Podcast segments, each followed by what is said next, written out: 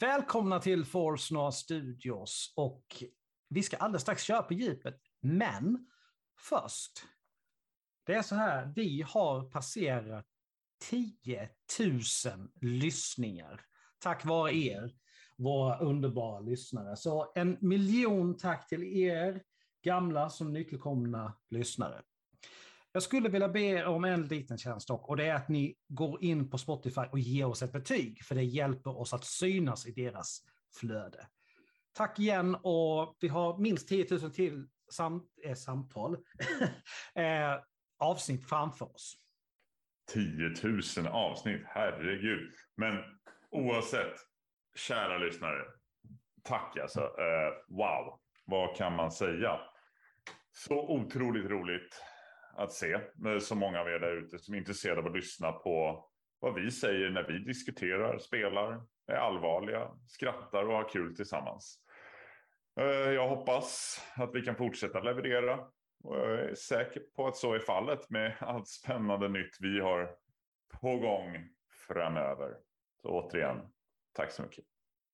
Ja, hej. Det här är Peter. Jag, är, lyssnar, jag hörs ibland, Mörtalks bland annat. Men, eh, och det är inte vi som kör våra 10 000 eh, eh, lyssningar bara på Nerdtalks, det är många andra också. Och det är fantastiskt och det är jättegrymt och jag är djupt tacksam att ni är med oss på vår lilla resa. Hela vägen från början till, till slutet. Så tack så mycket. 10 000 tack så mycket. Och nu över till På djupet där vi pratar om ADHD.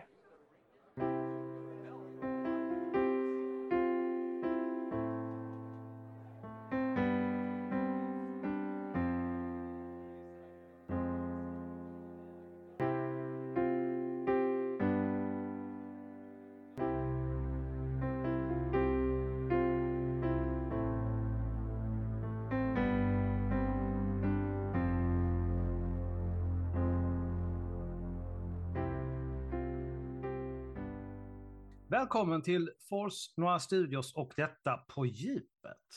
Idag sitter jag återigen med en eh, ja, barndomsvän, vet jag inte riktigt man kan säga, men det är en gammal vän sedan typ 20 år sedan. Eh, och eh, ja, välkommen till På djupet, Emelie. Tack så mycket. Hur är läget idag? Eh, idag är det en bra dag, så att mm. Eh, mm. Ja. Det är trevligt att vara här. Så vem är du? Vem är jag? Och jag har alltid avskytt den frågan. eh, De flesta gör det. Ja, ja, ja det blir ofta man fastnar liksom. Hmm, mm. Vad ska man säga? Eh, Emily heter jag, som sagt. Eh, bor i Lilla Karlshamn. Så att, eh, eh mamma till tre flickor. Som mm. har blivit väldigt stora. En som fyller 14 nu, en som fyller 13 mm. och så har vi den lilla tösen på fem. Mm. Jag har inte ens sett dem. Så det... Nej, det var du länge sedan. fältet innan. No. Nej, men det är länge sedan jag varit nere nu också med pandemi och allting. Ja, ja. Så det är... Nej, så att eh, och för, för tillfället är jag sjukskriven. Eh, så att eh, och mm ja, är också en, lite av en gamingnörd. Spelar en del dataspel. Eh, och har även eh, min andra hobby då, jag håller på med diamond paintings. Mm. Jo, de har vi sett lite då och då på Facebook när de dyker upp. Ja, ja, så att eh, just nu mm. håller jag på med att avsluta en tavla eh, som är, eh, nu ska vi se, den är 100 gånger 60 centimeter. Så att den är ju en meter gånger 60 centimeter på en stridsvagn. Oj, oj, oj. Så att, äh, ja. Okej, okay. hur många har du nu? Eh, det är den som snart är färdig här inom ett par veckor. Sen har jag en till som är faktiskt 100 gånger 70. Mm. Och sen har jag två projekt till som, eh, som jo, men du har ändå gjort några stycken. Hur många har det blivit? Oj. Eh, eh, Bra ja. fråga. Eh, på ett ungefär kanske runt 20 stycken. Jesus. Så Ja. att, eh, ja, det är ju Mm. min, min avkoppling i ja. vardagen eh, som Mm. har hjälpt otroligt mycket faktiskt eh, Mm. för den psykiska ohälsan. Mm. Och det leder oss in på det vi ska prata om idag. Vi ska prata Ja. om ADHD. Ja, Och jag, som vanligt sätter jag mig och gör lite research när det är saker jag inte kan ordentligt. Och det jag har hittat idag är från två sidor först och främst, men båda de två har baserat sina grejer de har hittat från 1177. Den första serien heter Our Normal och ADHD betyder ju Attention Defic, Defunk, eller vad fan nu ser jag inte vad jag har skrivit. De, defict Hyperactivity Disorder betyder det. yes. Eh, ADD är ju också, det är nästan samma sak utan hyperaktiviteten. är väl det enklaste sättet man kan beskriva ADD på. Ja. Och det här påverkar ju uppmärksamhet, impulskontroll och överaktivitet. Det kan också innebära förmåga för hyperfokus och för vissa då stark kreativ förmåga. Och både ADHD och ADD ingår i MPF. Nu ska vi se så att jag uttalar det. Neuropsykiatrisk funktionsnedsättning. Det, det gick på första försöket. Snyggt jobbat! Eh, och för min stora dag så hittade jag de vanligaste symptomen. Svårighet med uppmärksamhet, svårt med impulskontrollen, överaktivitet. Men det finns ytterligare symptom, symptom också. Just det här med att eh, svårigheter med att följa långa instruktioner, svårt att, att komma igång med uppgifter, många tankar och idéer samtidigt, men den kan ju alla som har någon konstnärlig ådra känna igen å andra sidan. Så det Svårt att passa tider, svårt att hålla ordning på saker och svårighet att sova. Och jag känner att när, innan jag blir färdig med det så jag, jag tycker det är väldigt viktigt att poängtera att det här har jag på- inte på något sätt med intelligens att göra. Utan det är folk med ADHD och ADD är precis lika smarta, om inte smartare kanske, än vad norm, normal människor är. Ja, en intelligent funktionsnedsättning, eller nu kan inte jag prata, intellektuell funktionsnedsättning är ju en annan diagnos i Ja. sig. Precis. Men de går ju ihop lite för ofta Ja. när man pratar om NPF så Mm. brukar man ju även involvera autismen, Mm. eh, det som också eh, benämns som eh, Asperger Mm. och även intellektuell funktionsnedsättning. Ja. Så att, eh, Och då, nu går ju yrkesmänniskan i mig, i mig igång här ju, liksom för att Asperger är ju, brukar man ju beskriva som en lättare form av autism. Den är inte riktigt lika aggressiv är fel ord, men alltså lika stark som Ja. autism är. mm. Precis. Men rent spontant, vad säger du när du, när du hör de här symptomen? Det, känner du igen det helt, delvis? Eh, jo, ja, eh, det gör jag ju. Eh, och där kan vi också då börja ju med att nämna att eh, jag har diagnosen ADD. Mm.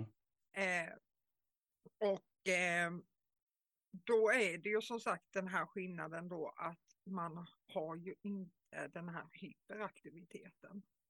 Mm. Eh, så att eh, jag har ju aldrig själv egentligen sett mig som en ADHD-person. Eh, när, när jag växte upp och när du växte upp då, då pratade man ju inte om ADHD. Då var det ju typ damp eller man var ouppfostrad, man var lat. Mm. Eh, så det var faktiskt genom eh, min eh, före detta flickvän och eh, kompisar eh, som började få in mig på det här spåret. Eh, Mm. och så fort jag läste om ADHD så det var ju som ett ljus. Alltså, men det här är ju jag.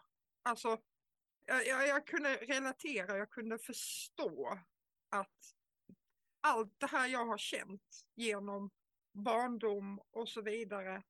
Eh, det finns alltså en medicinsk förklaring Ja. till det. Eh, så ja, Nej, men det är ju också så här, bara man vet att man, man har det, så blir det ju också lättare att lära sig att motverka därför att man lär sig hur man ska tänka, hur man ska agera för att kunna liksom, till viss del i alla fall, alltså motverka det. Mm. Bara den förståelsen gör ju jättemycket. Ja. ehm, Ja, nej, men jag, jag, jag är inte Ja. dum i huvudet. Det, är- nej, nej, det är men, liksom, det, det här beror på saker jag inte kan kontrollera överhuvudtaget, hur mycket Ja. jag än vill. Jag kan dämpa det lite grann kanske. Men man kan lära sig det. hantera det. Ja. Eh, jag fick ju inte min diagnos förrän jag var 31. Ja, det glömde jag ju säga. Jag är 36 idag. Så att jag är ändå rätt så ny i min diagnos. Mm. Eh, och även om jag var rätt säker på att det fanns någonting så jag kommer ihåg det sista samtalet när jag satt hos psykologen och liksom fick det svart på vitt. Mm. Det var liksom bara den här stenen som lyftes. Att Mm. alla, alla de här alltså, demonerna eller vad man nu vill kalla det. Alltså, Mm. eh, för, jag har ju även diagnos med eh, förkortningen är GAD, men jag ska hjälpa det lite och säga att GAD är ju eh, benämningen på generaliserad ångestsyndrom. Mm. Eh, och gå runt och liksom tänka att vad är det för fel på mig? Alltså varför kan inte jag fungera som alla andra? Varför är de här egentliga självklara sakerna, varför, varför är det så svårt? Mm. Eh, så genom att få diagnosen så har det ju öppnat upp jättemycket för mig som person. Eh, Ja.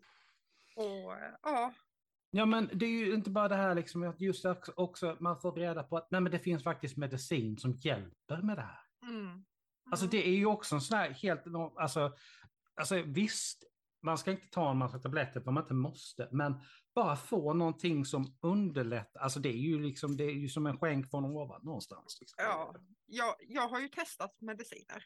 Mm. Eh, men i nuläget så, eh, och det är jag faktiskt rätt stolt över, jag går inte på några mediciner idag.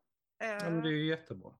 Och vare sig sömnmediciner eller någon ADHD, ADHD-medicin, utan Mm. eh, jag har lärt mig att eh, hantera, jag vet lite mer hur jag fungerar, Mm. vad jag behöver, vad, liksom, våga söka hjälp och be om hjälp. Ja, det är ju Eh, någonting som man inte kan understryka liksom, nog Mm. att är det så att du misstänker att du har en sånt här, ta kontakt i första hand med 1177, de hjälper dig komma vidare till rätt instans. mm, För det är så att allting går snabbare om du pratar med din läkare och får en remiss därifrån så går allting Mm. mycket snabbare. Det är fortfarande ganska lång väntetid tyvärr. För Ja, de, de har ganska högt tryck på jag, sig. fick, jag fick vänta tre år. Mm. Och det är tyvärr så det ser ut. Det är så många som behöver hjälp så att det tar så pass lång tid. Ja, Men det går snabbare med en remiss. Så tveka inte att ta kontakt med, med alltså din husläkare eller vårdcentralen ifall, mm, mm. ifall det är så att du, du tror att du har några sådana problem. Ja, ja. Jag, eh, jag är ju väldigt, eh, väldigt aktiv också inom olika forum på Facebook eh, Mm. till exempel. Både i en grupp då för oss som har NPF, eh, ADHD och så vidare, där man verkligen kan liksom få den här förståelsen också. Att Mm. ja, eh, det, det kan ju skilja sig väldigt mycket åt liksom hur jag uppfattar en situation gentemot hur du uppfattar en situation. Eh, Mm. och då, då känns det liksom lite här att ja, men jag skriver här, för du, jag vet att de vet, de vet Mm. precis hur det är liksom. Och vi, det är ju många personer som också eh, är lite osäkra på liksom, har jag diagnos eller var ska jag vända mig och liksom Mm. det här. Och, och Ja, men man kan ju hjälpa andra. Liksom. Det vet jag bara med min migrän. Jag har ju kunnat Mm. hjälpa folk där bara för att, bara för att jag vet exakt hur min migrän fungerar. Ja, Så har man kunnat hjälpa andra. Liksom att, nej men det, det hjälper inte, du kan ta hur jävla många Alvedon som helst, det kommer inte hjälpa. mm. För det är andra verksamma ämnen du behöver för att kunna, alltså för att kunna påverka migränen så att den ja, lägger sig. Det, det Ja. funkar inte att bara ta Alvedon. Det, Jag det, blev- det är fel bara. Jag blev ju jätteglad när, när du liksom ville hjälpa till att lyfta eh, just ADHD också. Eh, när vi pratade lite om vilket avsnitt vi skulle göra och så här. Mm. Eh, och eh, just, eh, just ur aspektet med att eh, jag har ju även barn som har NPF. Mm. Och det har nog faktiskt varit det jobbigaste. Ja, men det kan jag tänka mig. Alltså, jag har ju inte barn själv, men alltså, det, Nej. det är en sak. Det är alltid så här. Det är en sak om det drabbar en själv. Men så fort det drabbar någon annan och, och dessutom då kan jag bara tänka mig liksom, om det är ens barn. Det blir, det blir värre. Liksom Ja. det, Ja, eh, den här... Jag kan ju säga att eh, i sex år kämpade jag för att min mellersta dotter som fyllde 13, att hon skulle få rätt hjälp. Sex år. Mm. ja. Så att... Eh, Vad var vi- det som gjorde att det, att det tog så lång tid? Eh, många orsaker. Eh, men framför allt så är det fortfarande i dagens samhälle eh, synen på just flickor med ADHD. Eh, Mm. för, alltså, största delen av all forskning som har gjorts på ADHD har gjorts på pojkar, men inte på flickor. Varför är det så? Jag vet inte. Jag, jag önskar jag kunde ge det ett svar, men jag vet inte.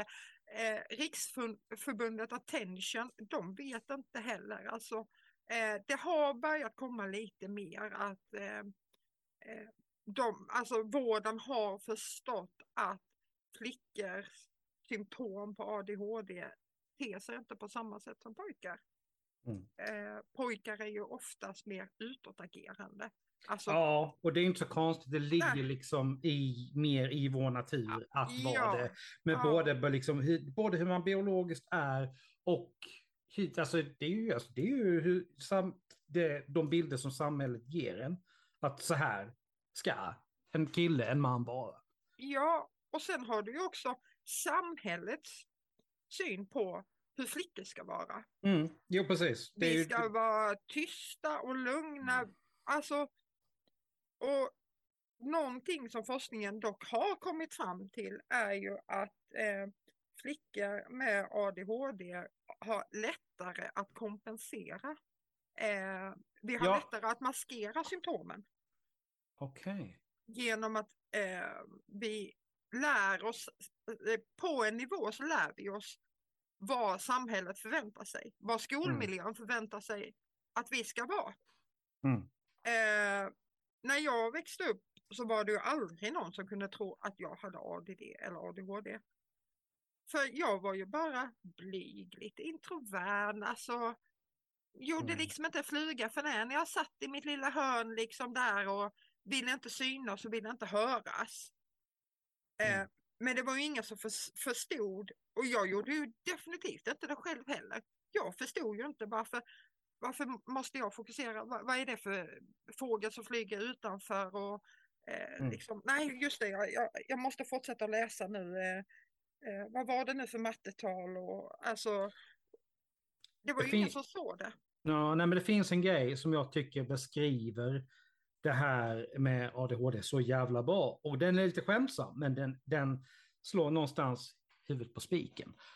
Och den går så här. Liksom. Oh, they say I got ADHD, but oh, look, a squirrel! Ja, men- den, är, den är klassisk, men Ja, ja. men den beskriver det faktiskt väldigt bra. ja. Impulskontrollen är nedsatt, är väl bästa ordet tyvärr, så det finns Ja, för det. Ja, Och alltså det är ju, man är lätt distraherad. ja, ja. Väldigt sen- generellt prat, liksom snacket nu liksom, men ja, det kan man ju också liksom så här börja från. Alla med ADHD är olika. Alltså, jag har min ADHD, min dotter har min ADHD, men vi är så olika. Alltså, Mm. eh, bara för att du i grund och botten har samma diagnos så är vi så otroligt olika. Ja, men det är inte så konstigt för att alla är, just det med att alla är individer spelar ju ingen Ja. roll liksom så Ja. sätt.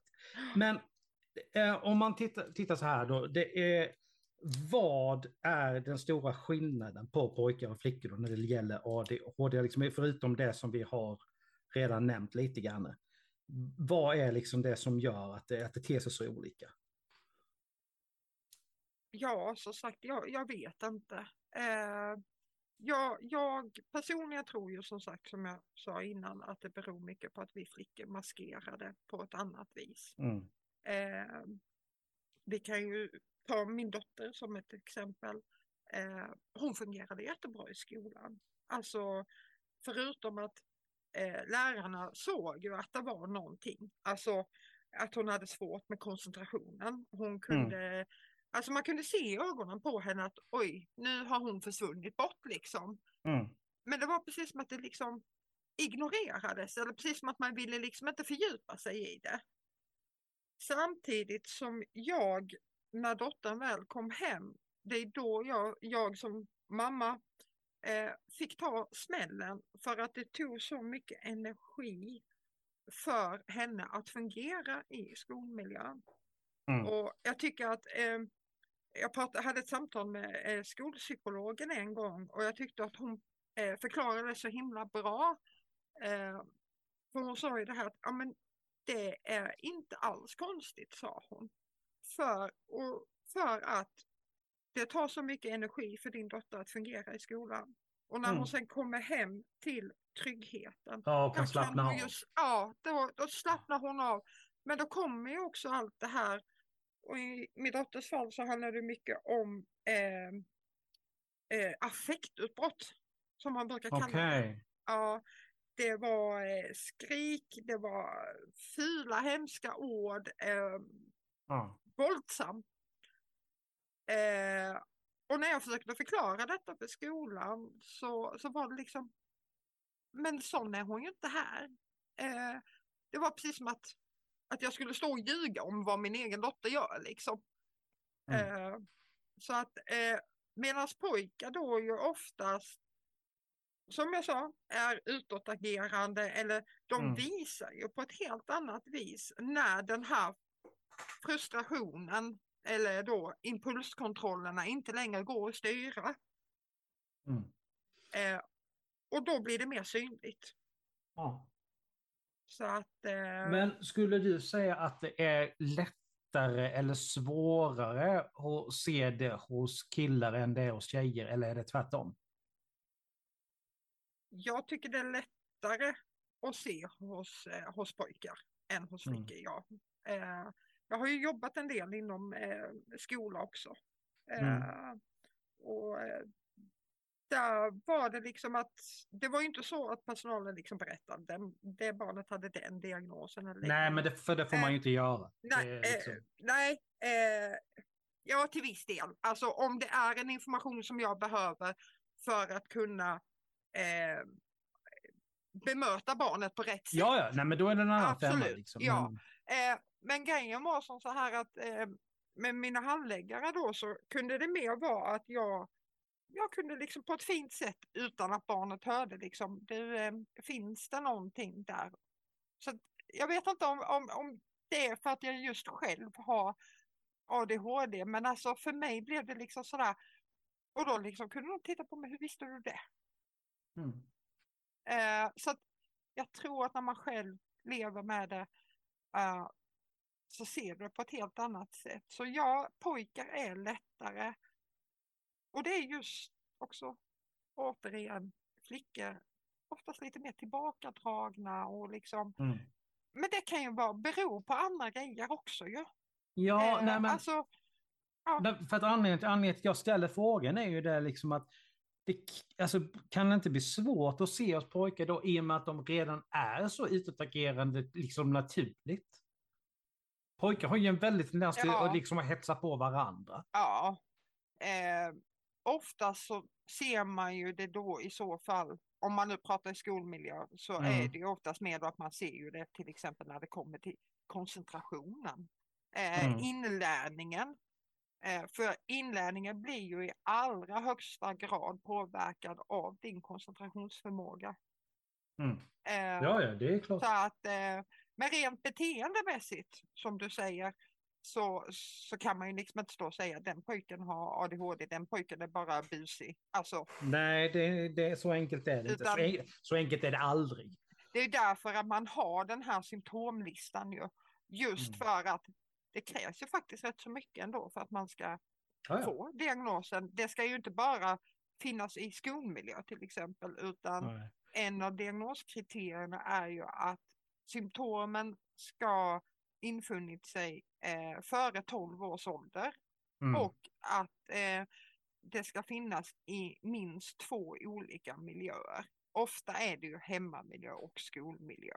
Ja, men det är där de är Ja, oftast. Så ja. det, men hur många symptom är det som måste stämma innan man liksom på allvar börjar överväga om det faktiskt är ADHD eller ADD? Oj, eh, det har jag nog hunnit glömma nu. Eh, Ja. Men det är ju ganska många, det kan vi ju säga ganska lätt. För att jag har gjort ju en, en utredning själv på mig liksom, Ja. om autism. För det finns Ja. definitivt, jag är i och för sig drag när det gäller ADHD också. Men det, det, det, båda, på båda två där stäm, det, är för, det är för få som stämmer in. För att det ska kunna vara det helt enkelt. Ja, jag, jag tror att det ligger någonstans runt typ fem eller sex. Det är Eh, ganska många ord. Ja, och, och då är det ju inom olika, alltså Ja. då ska det vara kanske fem stycken ur koncentrationsdelen och sen Mm. ska du ha kanske si och så många i en annan del. Precis. Alltså, så att det är ju inte bara liksom, om, om du skulle lista alla symptomen till exempel så är, är det rätt så mycket. Mm. Eh, sen har jag märkt att det skiljer sig rätt så mycket åt också eh, från psykolog till psykolog. Eh, Okej. Ja, eh, vissa verkar vara mer fokuserade enbart på symptomen. Alltså att eh, du Okej. kanske har du kanske har tillräckligt enligt om man säger x antal symptom. Mm. Men att ehm, på den andra, låt säga att eh, skolmiljön då, Mm. inte uppfyller nivån, eh, kriterierna för att få en diagnos. Och där är det egentligen mycket upp till psykologen, alltså att man tar helhetsbilden. Eh, för det sa Mm. de ju eh, på min dotters utredning. Vi eh, kände oss ju väldigt, eh, tyvärr, eh, bortglömda och att vi, vi blev inte lyssnade på av eh, BUP här i Karlshamn så vi sökte oss privat istället. Och då sa ju han, den här psykologen, när vi hade den här utvärderingen i slutet, att ja, skolan anser inte symptomen lika högt. Men efter att han har mött min dotter, Mm. samtalat, gjort de här testerna, så sa han att det ska dock inte förhindra att man inte ska kunna få en diagnos. Alltså han såg helhetsbilden, Mm. eh, att även om inte skolan kanske ser samma på samma sätt, så förstod han att hon var så beroende av att kunna få diagnosen på papper. Och för, i hans ögon väldigt, väldigt självklart att hon har en diagnos. Medan upp åt andra sidan med, var med liksom att nej, men skolan eh, skattar inte henne tillräckligt högt så därför behöver vi inte ens göra en utredning till exempel. Som hände efter att ha stått i kö ett helt år och sen blev vi nekade en utredning. Det, Ja, så, det det var ju därför det tog sån tid också ju. Så att, Mm. eh, och samtidigt då som vårdnadshavare så ska du alltså gå med det här vardagliga, du ska få vardagen att gå ihop och frustrationen att inte någon lyssnar. Eh, Mm. Jag tycker den här resan med dottern har varit tio gånger jobbigare än min egen resa. Eh, Ja, det låter ju onekligen så. Ja, och jag vet att det är många föräldrar som känner likadant. Eh, jag följer ju jättemycket just nu, för, i, i och med att jag brinner så starkt för detta, eh, eftersom jag ser hur det har påverkat. Jag kan ju använda min egen diagnos. Eh, Mm. Jag vet hur jag själv hade det när jag växte upp. Och jag vet att jag sa det så många gånger, jag vill inte att min dotter ska, ska bli som jag. Alltså att hon ska behöva vänta i vuxen ålder. Mm. Utan hon behöver hjälpen nu. Och det är Mm. många föräldrar som kämpar. Alltså, och ja, i slutändan så är det inte konstigt att jag sjukskriver för utmattning. Nej, tyvärr att, inte. eh, nej, och Mm. det är väldigt, väldigt vanligt. Det är, jag följer mycket i medier vad som händer. Jag är mycket inne på Riksförbundet Attention. De är ju helt suveräna ju. Mm. Och eh, som sagt vill lyfta det här att vi är inte dumma. Vi är inte sämre människor på något vis. Vi Nej. känner och tänker på andra sätt. Mm. Uh, och behöver ibland lite extra stöd i, uh, i vår vardag. Uh, Vi kan ju dra en liknelse där.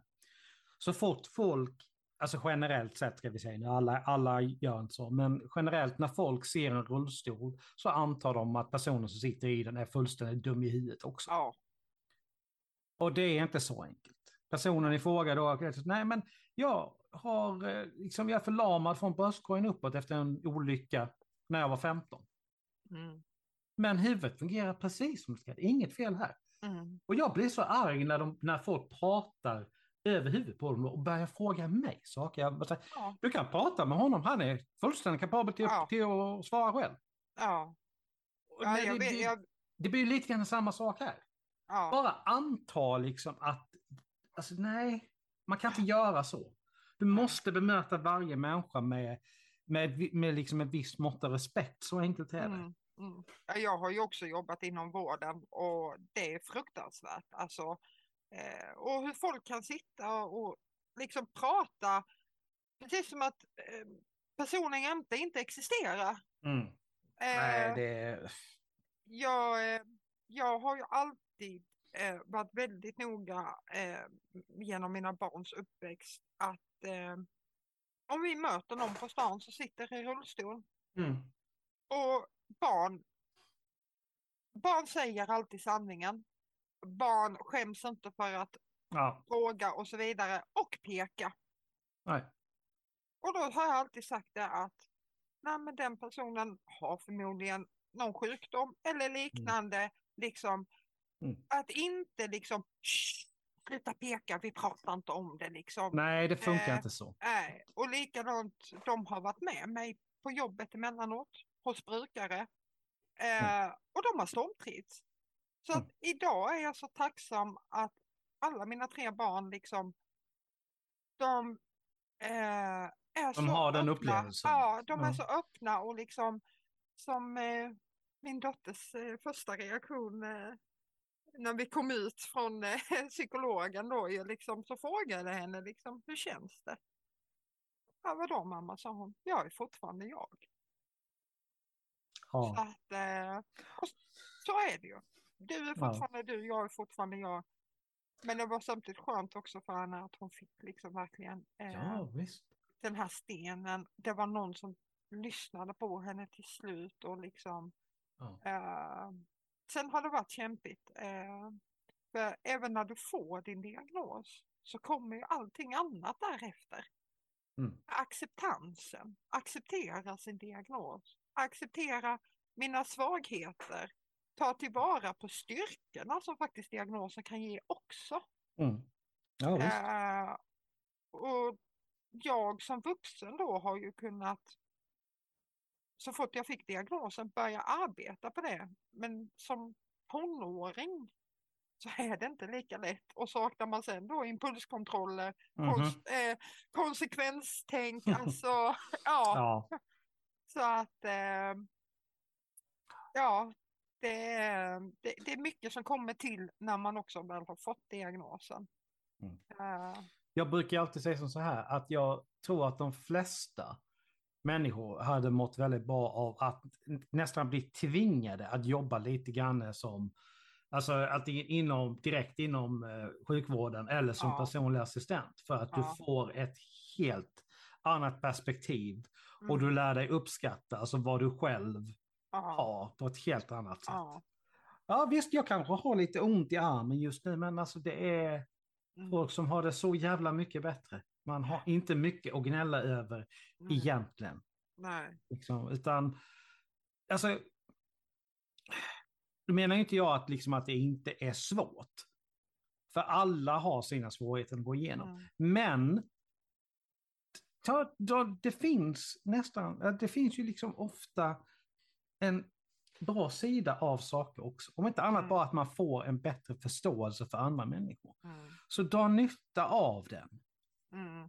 Samhället har ju blivit mycket mer öppen när det kommer till Ja, ja. NPF-diagnoser. Eh, sen finns det personer som fortfarande lever i med blindlapparna på liksom och eh, något som är bland det jobbigaste som man kan höra när man har en NPF-diagnos det är liksom, ja men vadå, vi har väl alla lite ADHD liksom. Alltså, Nej, eh, jag vet inte alla många... har inte lite Nej. ADHD, ärligt Nej. talat. Det. Eh, Men alltså det, det, det, det är nästan förnedrande. Ja. Alltså eh, kränkande att sitta liksom, ja men jag har nog lite ADHD jag också liksom. Eh, och folk som många gånger på de här forumen då liksom eh, skriver att ja, jag har fått ett nytt jobb och så vidare. Borde jag berätta för chefen att jag har ADHD och liksom så här. Mm. Eh, och min första spontana tanke är ja, varför inte? Eh, det är ingenting att skämmas för. Eh, du kan jobba precis lika bra som en person som inte har ADHD. Eh, men du gör dig själv en tjänst och dina kollegor genom att berätta. Och där finns det även, även folk med ADHD då som säger att nej, jag skulle aldrig kunna berätta. För Mm. att samhället liksom på något vis eh, jag vill sätta skygglappar på. Eller hur man ska förklara. Eh, så att eh, Ja, men en sak man kan Ja. väl säga, liksom där, oavsett vad det är vi pratar om nu, om det är ADHD, autism, vad det är. mm, Folk vill ju inte ha det här. Så att nej. sitta och säga att "Nej, men jag har nog lite ADHD också, det är, Ja. alltså, det, du är så fel ute. Ja, Så att, eh, nej. det, Nej. Nej, ja, men det, det är det jag säger liksom att jag har kunnat komma så pass långt i mitt liv eh, att jag har som sagt jag har accepterat min diagnos. Jag har lärt mig vad är min styrka? Vad är Mm. mina svaga sidor? Okej, jag är eh, jag har svårt att kunna hålla en konversation emellanåt. Eh, vad kan jag göra för att underlätta både för mig själv och för personer jag pratar med till exempel. Så Mm. jag har lärt mig att exempelvis att jag liksom upp med händerna och säger bara stopp. Mm. Nu, nu, jag kan inte ta in vad du säger. Kan vi pausa? Och så får du jättegärna ta det lite långsammare så jag hinner filtrera alltihopa. Ja. Eh, sådana grejer, små grejer. Eh, och jag vill använda det positiva med min diagnos till att också eh, göra situationer eller göra det lättare för barn och unga. Eh, som sagt, jag är sjukskriven just nu, men målet är att så småningom eh, att eh, utbilda mig till elevassistent för att kunna hjälpa de här barnen och ungdomarna eh, som antingen inte har en diagnos på papper, alltså som bara behöver extra hjälp, extra stöttning, eller också framförallt de barnen som har diagnoser. Eh, Att jag tar vara på styrkan i, i min egen. Eh, Och det tror jag kan hjälpa många, eller jag hoppas det i alla fall. Nej, men jag håller med dig, det tror jag också. Det är ju... Och det är som du säger, alltså, jag har ju fått, om man tar det med min migrän, har jag fått lära mig precis vad jag ska undvika. Mm. Och det här, kan jag undvika stress så gör jag det. Sov ordentligt och ät liksom vid, Mm. vid regelbundna tider. Mm. Där, är, där har jag mina tre akilleshäl. En av Ja. dem kan jag hantera. Skulle två eller alla tre hända samtidigt kan jag nästan bara sätta mig ner och vänta på det. Det kommer Ja. som ett brev på posten. Ja. Det, Ja. fast inte med Postnord. Då, men. Äh, postmord. Nej, men så att det, det, man, man kan ju bli starkare av att man helt enkelt lär sig, som, som sagt, hur man hanterar det. Ja. Det, det finns ju jättemycket idag också. Alltså det finns ju eh, KBT, kognitiv beteendeterapi. Ja, visst. Eh, och jag kommer ihåg första gången jag gick på KBT. Det var innan jag fick min diagnos, innan jag fick ADHD-diagnosen. Då hade jag ju bara inom citationstecken svår generaliserad ångest. Mm. Eh, och jag kommer ihåg jag gick ut från det här mötet och liksom direkt bara tänkte hur FAN menar de att Du kan svära hur mycket du vill. Ja, ja, ja, hur fan menar de att jag ska kunna ändra, ändra och dämpa, ändra mina tankebanor? Eh. Målet med kursen var ju att jag skulle dämpa ångesten. Mm. Och det vet jag bara sådär, ja men det kommer ju inte funka och liksom, nej, screw this liksom. Jag tänker inte sätta min fot här igen liksom och, och så här. Och jag kunde liksom inte få in att hur, hur ska man kunna ändra sina tankebanor? Alltså, jag tänker ju som jag gör. Alltså, Mm. eh, men till slut, jag, jag- gav ändå inte upp. Det var väl någonting ändå som sådde ett frö. Eh, Mm. För jag gav inte upp. Och nu idag så eh, är KBT det bästa. Jag hade inte suttit där jag sitter idag om det inte var för KBT. Eh, att istället för att då lägga all den här fokusen och energin på det negativa så eh, hittar jag strategier. Eh, Mm. Hobbyn, det här med att sitta och pärla på mina tavlor till exempel. Eh, att ockupera huvudet med Mm. någonting annat.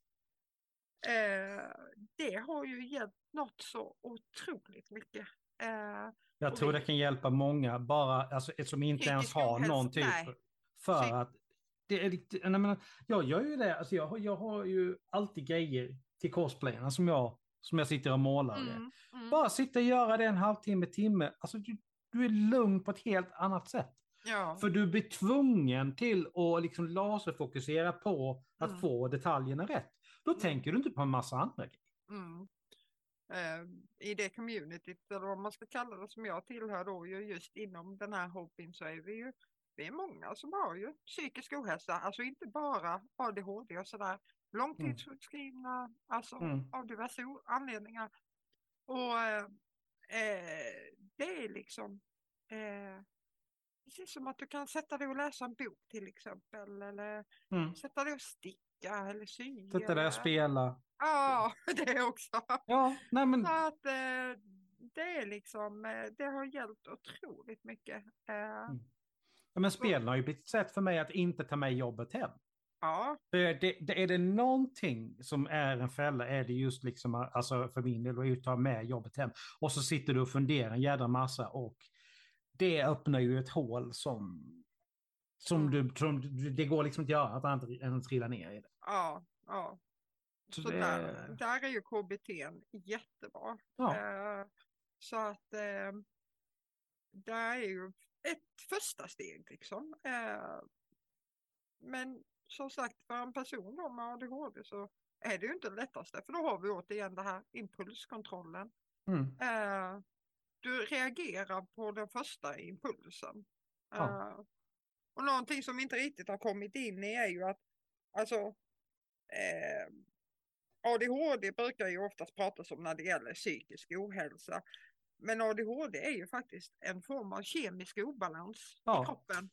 Eh, att vi får ju inte, eh, nu ska vi se, eh, vi får ju inte den dopaminen, Mm. tror jag det är, eh, som, eh, alltså kroppen, precis som att den producerar ju inte så gärna, får ju inte den dopaminen. Speciellt för oss till exempel då med ADD. Mm. Eh, jag brukar lättast sett också förklara ADD som alltså en form av kronisk trötthet. Eh, Du vet i huvudet egentligen att ja, men idag så måste jag göra detta och detta liksom. Mm. Du kan sitta och ha det precis framför dig. Men det är precis som att kroppen inte förmår att sätta igång. Alltså den här startmotorn fungerar inte. Mm. Och då Det behöver ett nytt, ett nytt tändstift någonstans. Liksom. Ja, ja ungefär. Eh, och Men det är, väl, det är väl det som medicinen riktar in sig på, alltså primärt har jag förstått det som. ja, Att den liksom tillför liksom dopaminet så att kroppen liksom får den här startmotorn, den här gnistan. ja, för personer som har ADD ja. Mm. Men har du då, och det, det där kan ju tyckas väldigt konstigt. Hur kan en person som har ADHD och ADD ta samma medicin men det påverkar oss så olika? För att en person med ADHD till exempel, de behöver ju ha någonting som dämpar dem istället ju. Mm. Det är i grund och botten vi äter samma form av medicin oavsett Mm. om du har ADHD eller ADD. Mhm. Eh, Men de fungerar ju på olika sätt. Och där är det också återigen individuellt. Jag, Ja. jag har testat två olika. Eh, och den första medicinen fungerade inte alls. Jag fick hjärtklappningar, alltså högt blodtryck. Eh, så att då var det liksom bara nej, det, det här går inte liksom. Eh, så då testade jag en annan medicin. Eh, SSRI kan ju också fungera. Mm. Eh, men eh, till slut så insåg jag liksom att nej, jag fick inte den effekten jag önskade. Eh, och att jag kände att jag hade kommit så pass långt. Sen vet jag personer Då måste jag bara så här, är det, var det effekten du ville ha eller effekten du behövde ha när du, när du säger det? både och. Ja, Alltså, jag kände liksom ingen skillnad på den dagen jag tog medicinen gentemot den dagen jag inte tog medicinen. ah, okej. Ja, så att det var liksom, varför ska jag gå och stoppa i mig massor med mediciner, pumpa kroppen, eh, när jag inte märker någonting. Eh, nej, Nej, för de flesta mediciner har någon typ av bieffekt, så är det ju. ja, eh, det finns det i allt. Mm. Även Alvedon. Jo, jo, så att, eh, finns en anledning till varför du inte ska ta mer än ett visst antal om dagen. Ja, eh, så att, eh, men nu höll jag på att tappa tråden igen. Det är också en liten nackdel, eller Ja. nackdel, nackdel, men eh, som händer när man sitter så här och så blir man så, Mm. woo, liksom. Eh, Men, för Ja. vi måste tyvärr avrunda. ja. Vad skulle du vilja ge för tips till, till folk om de misstänker att de har ADD eller ADHD eller att de känner någon som, som har det? Jag skulle vilja säga att var inte rädda för att be om hjälp. Om det är att prata med en anhörig, få hjälp med att eh, söka till vårdcentral psykiatri och veta att det är alltså inget, det är inget fel på dig. Du, du är annorlunda, men det är okej. Så att, eh, Vi ska inte glömma det i det hela också, att de har ju tystnad, tystnadsplikt nere på vårdcentralen. ja. Det är ingen annan som får, som får reda på det här om inte du godkänner det. Ja, men så, Så så länge du är myndig förstås. Är, det, är Ja. du inte det, då är det föräldrarna som... Men förhoppningsvis så kan vi ju lita på våra föräldrar. Så det, ja, ja, nej men alltså som sagt, det är aldrig någonting att skämmas för, Nej. utan eh, det, tar, det tar tid, ja. Eh, men jag hoppas att samhället också ska ändras och att det ska bli mer öppet och ja, det är en grej där. Vi måste bryta det stigmat Mm. liksom att, att vi skuldbelägger Alltså överlag egentligen, Mm. vi kan på många, att vi skuldbelägger offren. Det, är, det, det, det funkar inte så. nej. Utan det är, försök ha lite sympati, lite medkänsla liksom, och se det för vad det verkligen är istället. Och kan du inte någonting om det, så leta upp det, det du vill veta. Mm. Och med det sagt så refererar jag till 1177, Our Normal och min stora dag där jag har hittat min information som jag letade fram idag. Jag kunde inte så mycket om det här som, men nu kan jag desto mer. Ja, Och med det sagt så hoppas jag att ni har, som har lyssnat har lärt er någon, någonting nytt, att ni har fått ut någonting av detta. Tack så mycket Emelie för att du ville vara med. tack själv. Och tills vi hörs nästa gång igen i På djupet om en månad så ta hand om er så hörs vi, hörs vi då.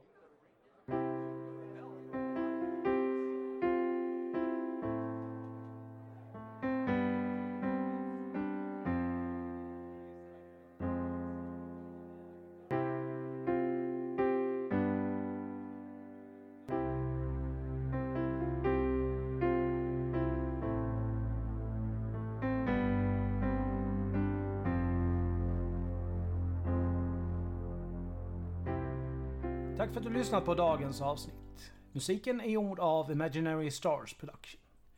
Följ oss gärna på sociala medier. Vi finns på Facebook, Force Noir Studios, Twitter, at Studios Noir, Instagram, Force Noir Studios och där skrivet som ett ord.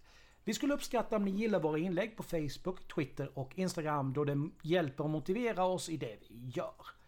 Vi har även en mail där ni kan nå oss. Forsnorastudios at gmail.com. Även där Forsnora Studios skrivet som ett ord. Ta hand om er så hörs vi snart igen. Stay tuned!